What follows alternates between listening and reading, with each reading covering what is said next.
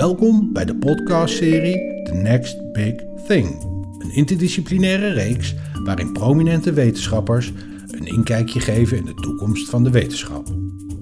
In deze aflevering Inger Leemans, hoogleraar cultuurgeschiedenis aan de Vrije Universiteit Amsterdam. Historici die zijn eigenlijk vooral bezig met de previous big things en dingen uit het verleden. En wij als historici weten veel van uh, zaken van eeuwen en eeuwen geleden. En eigenlijk zo min mogelijk zou je kunnen zeggen over de toekomst. Dus aan historicus vragen om de toekomst te voorspellen is eigenlijk wel het meest uh, ambiguë. Uh, voorstel wat je mij zou kunnen geven. Maar goed, Rens had gevraagd: kun je misschien eerst eens ingaan op de previous big thing? Want wat is de previous big thing? Laten we lekker een langere termijn uh, nemen, zou ik zeggen. De previous thing is eigenlijk gewoon de opkomst van geschiedenis, geschiedwetenschap, geschiedschrijving als wetenschap. En dan zitten we in de 18e, uh, 19e eeuw. Het, het nadenken over het verleden, daarover praten, het verleden een plaats geven, uh, jezelf als gemeenschap in historisch perspectief kijken. Dat is natuurlijk van uh, eeuwen en eeuwen oud, maar het, het, maken van geschiedenis tot een discipline, tot een academische discipline met eigen methodes, met eigen concepten, met herkenbare uh, aanpakken, dat is echt iets dat groeit in uh, de 19e eeuw en dat, dat is ook geslaagd. Dus ik dacht, dat is in ieder geval de previous big thing, dat is gelukt. Er is zoiets als geschiedwetenschap en die heeft natuurlijk daarna na, uh, in de 20e eeuw allerlei ontwikkelingen doorgemaakt. Uh, bijvoorbeeld hè, de cultuurgeschiedenis die ik beoefen, dat is iets dat is opgekomen eind 19e, begin 20e eeuw. En toen begon de traditionele geschiedenis zich politieke geschiedenis te noemen. In de jaren 60 zijn er steeds meer interesse gekomen voor, om geschiedenis ook meer aan te schakelen bij andere wetenschappen, bij sociale wetenschappen, bij natuurwetenschappen. Uh, maar al met al zou je kunnen zeggen, uh, het, er is een previous big thing en dat is de geschiedwetenschap. Nou, wat is dan de current big thing? Uh, daar moest ik heel lang over nadenken, want in principe zou, dacht ik van nou, een van de belangrijkste bewegingen die de afgelopen decennia in gang is gezet en die op dit moment zeer bezig is en ook ons nog heel lang bezig zal houden, is eigenlijk die 19e, 20e eeuwse geschiedschrijving uit haar nationale jasje trekken. En steeds bredere blik eigenlijk, transnationaal, wereldgeschiedenis, global history. Het proberen om uit dat uh, nationaal historische stramien uh, te trekken. En dat is een beweging die zowel urgent als absoluut noodzakelijk is en die nou ja, op allerlei uitdagingen uh, stuit. Uh, had ik het graag de hele, het hele college over gehad, maar laten we zeggen, uh, de current big thing, het is ook een beetje Rens zijn serie, dus we kunnen eigenlijk maar één ding zeggen, de digital humanities. En de digital humanities is de current thing, het current big thing, omdat het zou je kunnen zeggen, al in de jaren 60, 70 een beetje is opgebouwd, maar zeker de laatste, uh, het laatste decennium, de laatste twee decennia, echt een enorme uh, boost heeft gekregen. En dan heb ik het zowel over digital history, maar digital history zit eigenlijk al meteen in een heel stelsel van uh, andere geesteswetenschappelijke gebieden die ook allemaal die, digitaliseringsslag aan het doormaken zijn. En dat kan op heel microniveau. We hadden het net al over het gebruik van databases uh, bij het verzamelen van materialen. Maar eigenlijk uh, zie, je dit, zie je digitale technieken over het hele veld van de geschiedwetenschappen geïntegreerd worden. En je zou kunnen zeggen, uh, je kan het een beetje in domeinen indelen, alhoewel dat lastig is, want ze lopen heel erg door elkaar heen. Aan de ene kant heb je een hele groep uh, wetenschappers die bezig is met digitalisering. Voor historici zijn de teksten, de bronnen natuurlijk essentieel. Dus daar zit heel veel aandacht in hoe kunnen we de historische bronnen tot data maken. Hoe kunnen we ze leesbaar maken voor zoveel mogelijk uh, mensen en op zoveel mogelijk manieren. En ze openstellen voor heel veel verschillende vragen. En dan kom je in die tweede rij eigenlijk, hè, de digitale analyse. Wat voor soort verschillende modellen kunnen we ontwikkelen om dan die data te uh, bevragen. En dan kan het gaan over textuele data, maar ook over structurele data. Dus rijtjes met uh, getallen bijvoorbeeld, uh, overzichten van goederen die van ne Nederland naar andere delen op de wereld gingen. En de derde complex is misschien visualisering. De manier waarop je al die analyses en die data ook weer kan laten zien aan de wereld. Dus dat is een, een stelsel dat zich enorm aan het uitbreiden is en waar heel veel over gedebatteerd wordt. En zeker historici, die zijn altijd heel kritisch natuurlijk, dus die zijn ook veel bezig met digital hermeneutics. Dus na te denken, wat gebeurt er eigenlijk op het moment dat we die digitaliseringsslag maken? Wat verandert er aan onze historische manier van uh, bevragen? Welke andere relaties leggen we dan tussen het verleden en het heden? Dus het zet eigenlijk meteen ons ook heel erg aan het denken over uh, wie we zijn en uh, wat we doen. En of we die ja, nieuwe narrativiteit, zou je kunnen zeggen, die met de digitale analyse komt, of we dat ook willen en hoe breed we dat willen. En er zijn allerlei grote uitdagingen waar we op dit moment mee zitten. Eén uitdaging is dat de meeste historici het toch wel heel lastig vinden om computermodellen te kunnen uh, lezen en gebruiken. En met allerlei sparkle queries, datasets te bevragen en zo. de meeste van mijn collega's zijn al, al snel die deur daarachter uit of roepen snel de hulp in van uh, mensen met meer competenties. Dat is één groot probleem. Ander probleem is, nou ja, laten we het niet hebben over dat visualiseringen niet altijd meteen een heldere beeld geven. Wat visualiseringen vaak wel kunnen laten zien, is dat de data die we hebben vol met biases zitten. Dat zijn eigenlijk, wat we, wat we voor een heel groot gedeelte aan het doen zijn, zijn de oude databronnen die we hadden, opnieuw aan het reproduceren. Nu in digitale vorm. Maar dat zijn datasets die eigenlijk, waar we net over uit waren, dat ze heel beperkt zijn. Dat ze maar een heel beperkt deel van de geschiedenis uh, beslaan. Bijvoorbeeld, hè, wat we hebben gedaan, is uh, uit de verlichting alle correspondentie van de Franse verlichters uh, gedigitaliseerd. Dat is allemaal leuk en aardig, maar dat zijn vooral uh, mannen. En dat zijn vooral mannen die, dat zie je hier, in een heel beperkt deel van Europa met elkaar aan het corresponderen zijn. En als je dan vraagt aan de mensen die ermee bezig zijn, waar zijn de vrouwen? Dan zeggen ze, ja, maar daar komen we later wel aan toe. Maar dit was zo'n mooie dataset, dit is lekker veel, daar konden we mee aan de slag. Nou, en dat is eigenlijk op dat punt zijn we gekomen dat zeg ja, daar kunnen we, daar moeten we mee ophouden en daar moeten we iets mee. Dus we staan eigenlijk op een kritisch punt. Aan de ene kant wordt er heel veel gedigitaliseerd en bijvoorbeeld we hebben fantastische apparatuur zoals Transcribus, waarmee we manuscripten, handgeschreven teksten bijna precies tot computerleesbare teksten kunnen omzetten met een hoop trainingen en hulp van uh, vrijwilligers uh, vaak. En zo kunnen we de Staten-Generaal-archieven en de VOC-archieven worden op dit moment gedigitaliseerd. En de notarisarchieven van Amsterdam, waar zo'n beetje toet Amsterdam uh, bij elkaar komt en aan het ruzie is. Fantastische bronnen, maar weer ook beperkte bronnen. Want het zal u niet ontgaan zijn, we hebben andere vragen die we stellen. We hebben vragen over uh, bijvoorbeeld de geschiedenis van de slavernij. Waar zijn de mensen hè, waar we daar uh, gegevens over willen vinden? Heel vaak komen dat soort gegevens niet in deze uh, bronnen terecht. Dus we staan eigenlijk op een draaipunt waarbij we zeggen: nee, we moeten juist niet naar die big data, maar naar, naar microgeschiedenissen, naar persoonlijke verhalen, naar uh, de mensen die onzichtbaar zijn in onze archieven en die naar boven halen. Dus ik zou zeggen, we zijn uh, op, een, uh, op een punt gekomen waarin uh, de historische methode van kritisch bevragen heel relevant wordt op eigenlijk die omarming van de big data en de digitale analyse.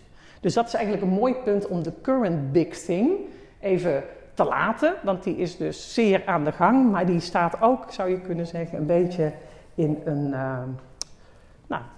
misschien een persoonscrisis uh, en moet een draai uh, omgaan. En komt, van alles komt daarbij kijken. Hoe kunnen we onze digitale archieven bijvoorbeeld anders in gaan richten?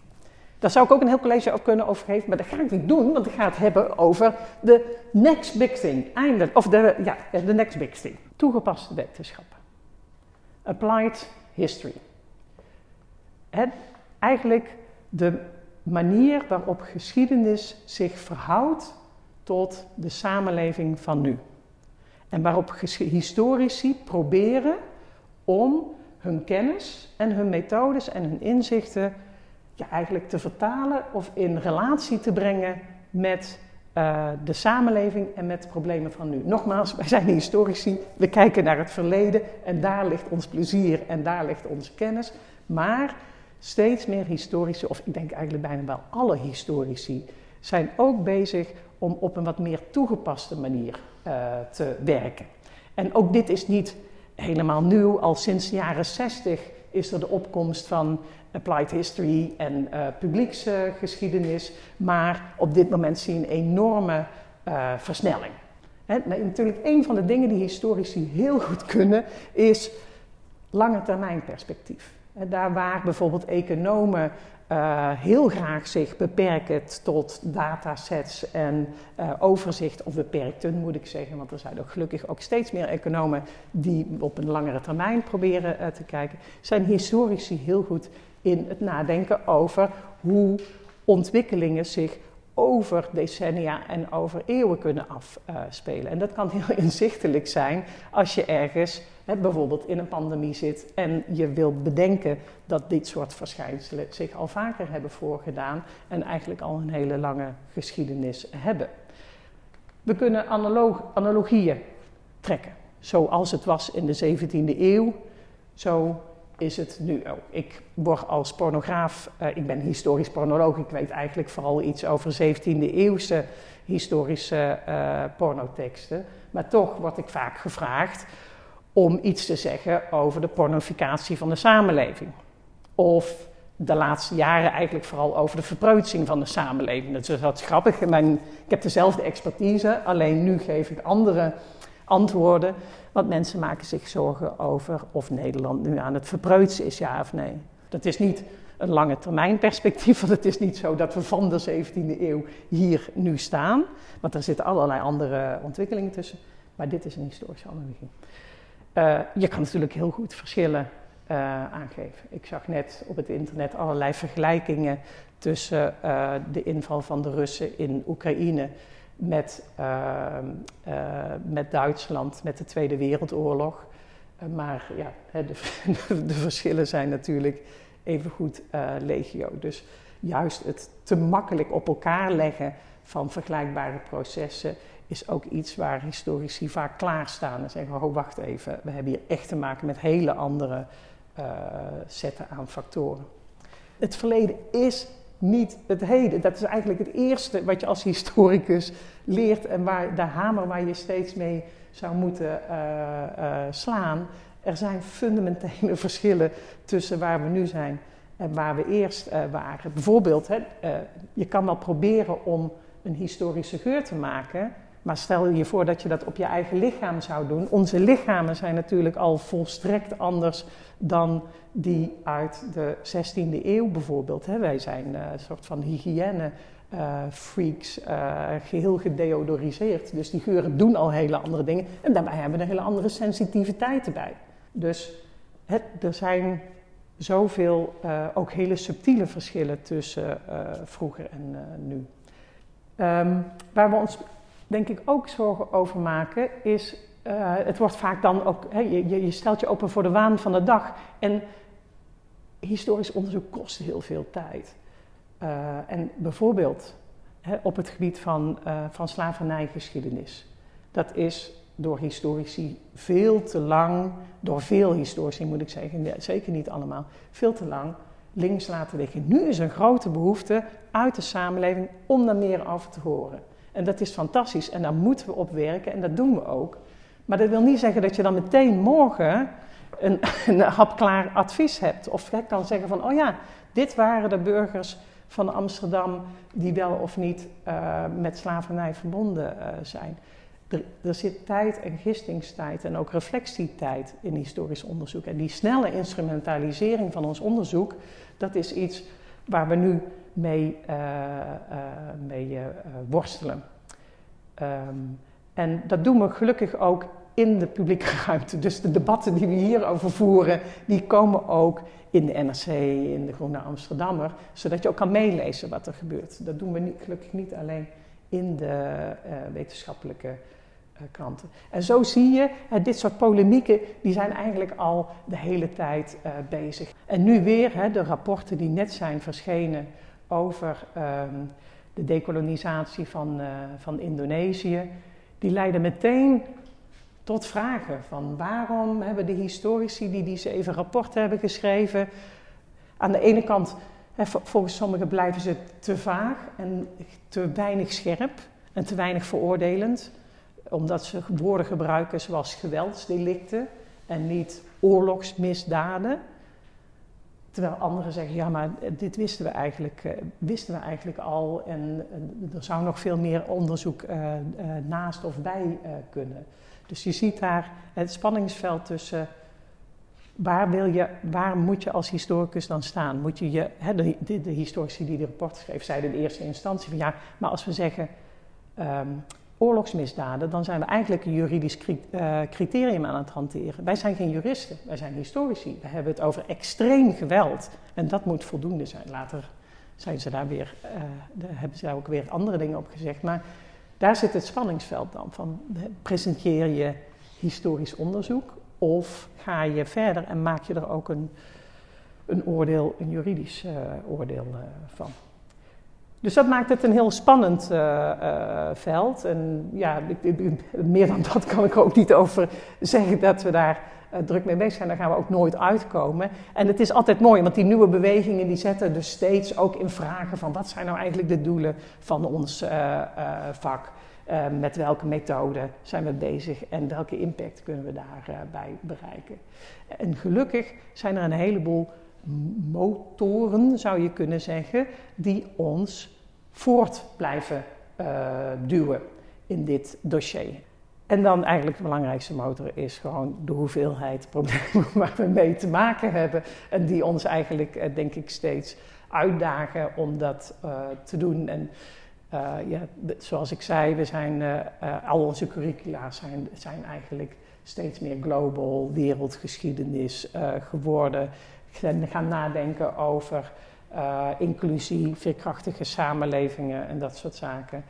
Um, uh, voedsel. Er wordt onderzoek gedaan naar droogte, historische droogte en hoe we daar in Nederland mee om zijn uh, gegaan. Dus dat soort hè, projecten en onderzoeksgroepen duiken echt heel direct, denk ik, op dat soort problemen. Um, Misschien iets over mijn, uh, mijn eigen onderzoek. Dus ik denk dat het 2010 was of zo. Hè, dat we, toen kwam ik naar Amsterdam. Uh, en dat is ook het moment dat ik een, uh, sorry, een onderzoeksinstituut of onderzoekscentrum heb opgezet. de Amsterdam Center for Cross-Disciplinary Emotion and Sensory Studies. Een centrum dat onderzoek doet naar emoties en zintuigelijke ervaringen. En vooral dat ziet als cultureel verschijnsel. Dus het is een centrum waarbij historici, letterkundigen, uh, kunstwetenschappers, maar ook psychologen, mensen van medische uh, uh, wetenschappen samen komen om daarover na te denken. En een van de projecten die we hebben ge, gedraaid daar is um, HEEM en het ging over embodied emotions, historical embodied emotions, over emoties hè, zijn, zijn uh, dingen die we voelen, maar het zijn vooral ook uh, dingen die we uitdragen. En die komen met bepaalde bewegingen. Als je boos bent, dan kun je met je vuisten uh, schudden. Als je in wanhoop bent, dan kun je je handen tegen het hoofd staan. Hoe, en onze vraag was, hoe zat dat vroeger eigenlijk? Op wat voor manier werden emoties vroeger belichaamd? Hoe drukten wij in de 17e en de 18e eeuw emoties uit? Was dat heel anders dan nu? En ja, dat was heel anders, want bijvoorbeeld hè, uh, als je verliefd bent nu, dan zeg je ik heb vlinders in mijn buik. En dat zouden ze in de 16e eeuw helemaal uh, nooit gezegd hebben. Want dat heeft ook een heel ander idee over wat emoties doen. En om dat te doen zijn we de digitale teksten ingedoken en hebben een heel corpus van. We dachten, we gaan naar theater kijken, want theaterstukken zijn in ieder geval heel evident emotioneel. Hè, daar alle passies komen voor op het uh, toneel en zijn ook heel expliciet in uh, het uitdragen van die emoties. Dus we hebben een gedigitaliseerd corpus van theaterstukken uh, bij elkaar gebracht en een model gemaakt om die, om die theaterstukken te kunnen analyseren op emotionele uitingen. En als die dan voorkwamen te kijken, hoe worden die dan embodied. En het leuke wat we tegenkwamen was dat in het begin van de 17e eeuw konden emoties door het hele lichaam heen gevoeld worden. In de nagels, in de haren, in de tenen. De tong was een belangrijke zetel voor emoties. We hebben enorm veel gezucht bijvoorbeeld. De hersenen komen niet voor als emotionele uh, uh, zetel. En langzaam zie je in de 18e eeuw ook uh, in de 17e eeuw is heel erg over de grote passies, wraak, woede. Uh, en in de 18e eeuw komen meer de sentimenten en het geluk. Het idee dat geluk een belangrijke drijfveer in je emotionele leven zou zijn. Dus dat soort trends konden we, uh, konden we vinden doordat we eigenlijk hè, dus lange termijn vragen stelden die we over digitale bronnen konden analyseren. En ik vond het super spannend. Ik heb er ongelooflijk veel van geleerd. Uh, samenwerken met taalkundigen, met uh, computer science, heeft heel veel ook tijd, investeringstijd gekost om elkaars taal uh, te leren spreken. Eigenlijk bijna alle concepten bijvoorbeeld die ik hanteer, die waren alweer heel anders bij, dan bij mijn computer science collega's. Dus we hebben heel veel eigenlijk over en weer die dingen naast elkaar moeten zetten. En ik heb heel veel scherper eigenlijk moeten nadenken, leren nadenken over mijn categorieën. Wat, zijn, wat wil ik nou eigenlijk weten als ik naar een tekst kijk? Uh, dus dat was ik vond dat een fascinerend proces. En ik ben heel blij dat ik iets van die kennis heb kunnen over uh, of meenemen in het project dat ik op dit moment uh, doe. En dat denk ik nog uh, wat, wat, duidelijker van digital humanities naar die toegepaste wetenschap uh, gaat. En uh, dit project heet Oude Europa. Het is een Europees project, wordt in zeven, door zeven verschillende groepen in zes verschillende landen uitgevoerd op dit moment. We zijn vorig jaar zijn we begonnen en het gaat over geurerfgoed. Ook, ook hier, de Europese onderzoeksgelden zijn heel instrumenteel en ook eigenlijk heel uh, samenlevingsgericht. Dus de Europese Unie zei, we hebben eigenlijk een probleem. De afgelopen decennia hebben musea en archieven enorm geïnvesteerd in het digitaliseren van hun collecties. Dat is helemaal super tof. Maar die collecties die worden eigenlijk heel weinig door mensen bezocht. En de, zeg, de meerwaarde en ook de economische meerwaarde van die collecties is eigenlijk heel onduidelijk. En dat komt misschien ook omdat ze overal verspreid zijn. Dus je hebt ze in Slovenië en je hebt ze hier, maar ze vertellen samen geen verhalen en al helemaal geen tastbare verhalen. Geen verhalen die, die, die pakken. Dus kunnen jullie ons meehelpen om de Europese digitale collecties te binden en meer tangible te maken? Het hebben we gezegd, nou ja, dat willen wij wel doen. En de manier waarop we dat gaan doen is door naar geur te kijken. Naar de geschiedenis van geur en naar geur als erfgoed. En wat we dus nu aan het doen zijn, is ik, heb, ik werk samen met allemaal computer science sorry, uh, groepen. Eén groep kijkt naar historische schilderijen en tekeningen. En probeert de computer te trainen om daar geurgerelateerde objecten en handelingen uit te halen. Dus denk bijvoorbeeld aan schilderijen waarin iemand zijn neus dichtknijpt. Uh, schilderijen waarin hele geurige uh, uh, objecten zijn, zoals walmende mesten, hopen, fabrieken of allegorieën van de geur. bijvoorbeeld een gier kon voor, voor de geur staan.